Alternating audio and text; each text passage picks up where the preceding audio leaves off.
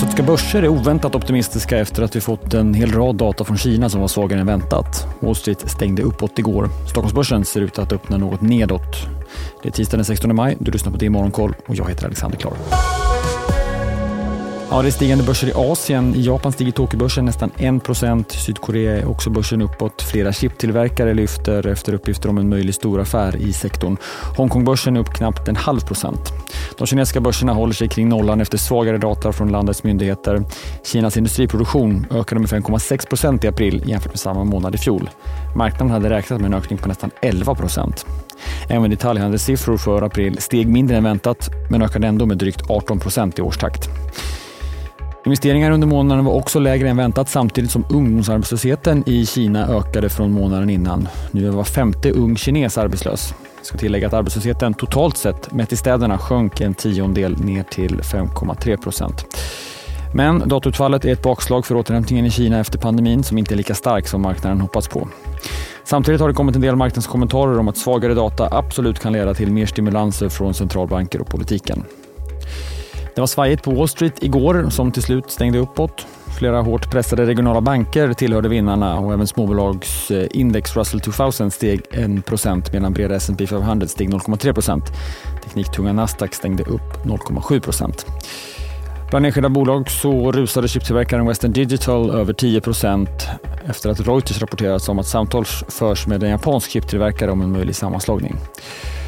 Fortsatt mycket fokus på skuldtaket i USA. Idag väntas president Biden och republikanska ledare mötas. Än så länge har inga framsteg gjorts på tjänstemannanivå. Och igår upprepade det amerikanska finansdepartementet sin varning om att USA är på väg att behöva ställa in sina betalningar i början av juni om inte skuldtaket höjts. Sverige så. Spelbolaget Embracer som rapporterar först nästa vecka har specificerat sin vinstvarning man gick ut med tidigare. Bolaget uppskattar att resultatet räknas som justerat ebit för bolagets brutna fjärde kvartal kommer att uppgå till 0,9 miljarder kronor och för helåret landar justerat ebit på 6,35 miljarder kronor jämfört med den tidigare kommunicerade prognosen som var intervallet 8 till 10 miljarder kronor. Hej, Ulf Kristersson här. På många sätt är det en mörk tid vi lever i. Men nu tar vi ett stort steg för att göra Sverige till en tryggare och säkrare plats. Sverige är nu medlem i Nato. En för alla, alla för en. Avvikelsen beror enligt bolaget främst på att de transformativa partner och licensavtal som bolaget tidigare sagt dröjer inte har slutförts ännu. Det var i slutet på mars som bolaget sa att avtalen drog ut på tiden och hintade om att man inte når resultatmålet. Igår meddelade Embracer ett spelsamarbete kring Sagan om ringen tillsammans med Amazon. Avtalet beskrivs som värdeskapande på lång sikt men begränsande effekter på kort sikt. Flygbolaget SAS får godkänt av amerikansk domstol att gå vidare med en kapitalanskaffningsrunda. Flygbolaget som vill ta in nästan 10 miljarder kronor har under processen konstaterat att värdet på befintliga aktieägares innehav kommer att vara mycket litet eller ingen alls när processen är slutförd.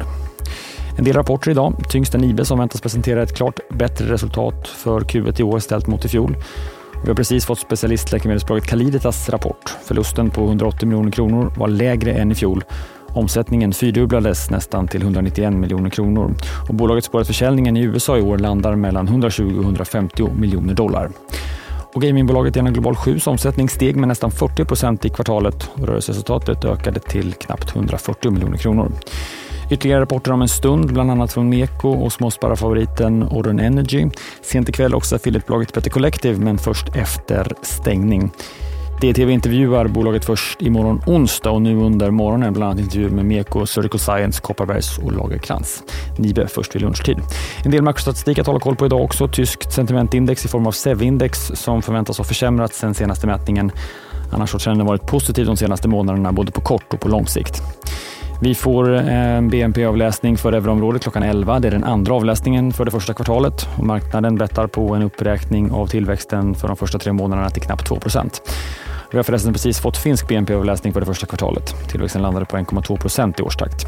I eftermiddag kommer också siffror över försäljningen i amerikansk detaljhandel. Förväntan är att den negativa utvecklingen vi såg i både februari och mars förbyts nu i aprilsiffrorna och visar på en ökad försäljning med knappt 1 procent i årstakt. Idag håller vi också koll på att flera Fed-ledamöten väntas tala. Så gör även ECB-chefen Christine Lagarde i eftermiddag. Du följer som vanligt nyhetsflödet bäst på di.se. Missa inte heller Börsmorgon med start kvart i nio eller lyssna på programmet som podd från klockan 11. Det är Morgonkoll, hör ni igen imorgon bitti. Jag heter Alexander Klar.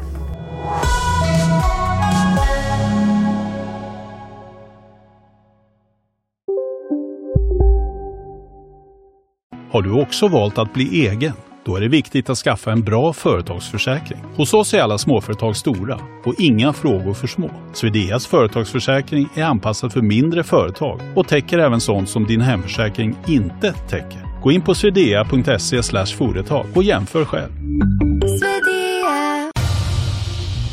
Expressen gör varje vecka podden Politikrummet där vi djupdyker i det senaste och viktigaste inom svensk politik. Med mig, Filippa Rogvall, som programledare tillsammans med mina vassa kollegor. Och det är ju ni som heter Thomas Nordenskjöld, Anette Holmqvist och Viktor Bartkron.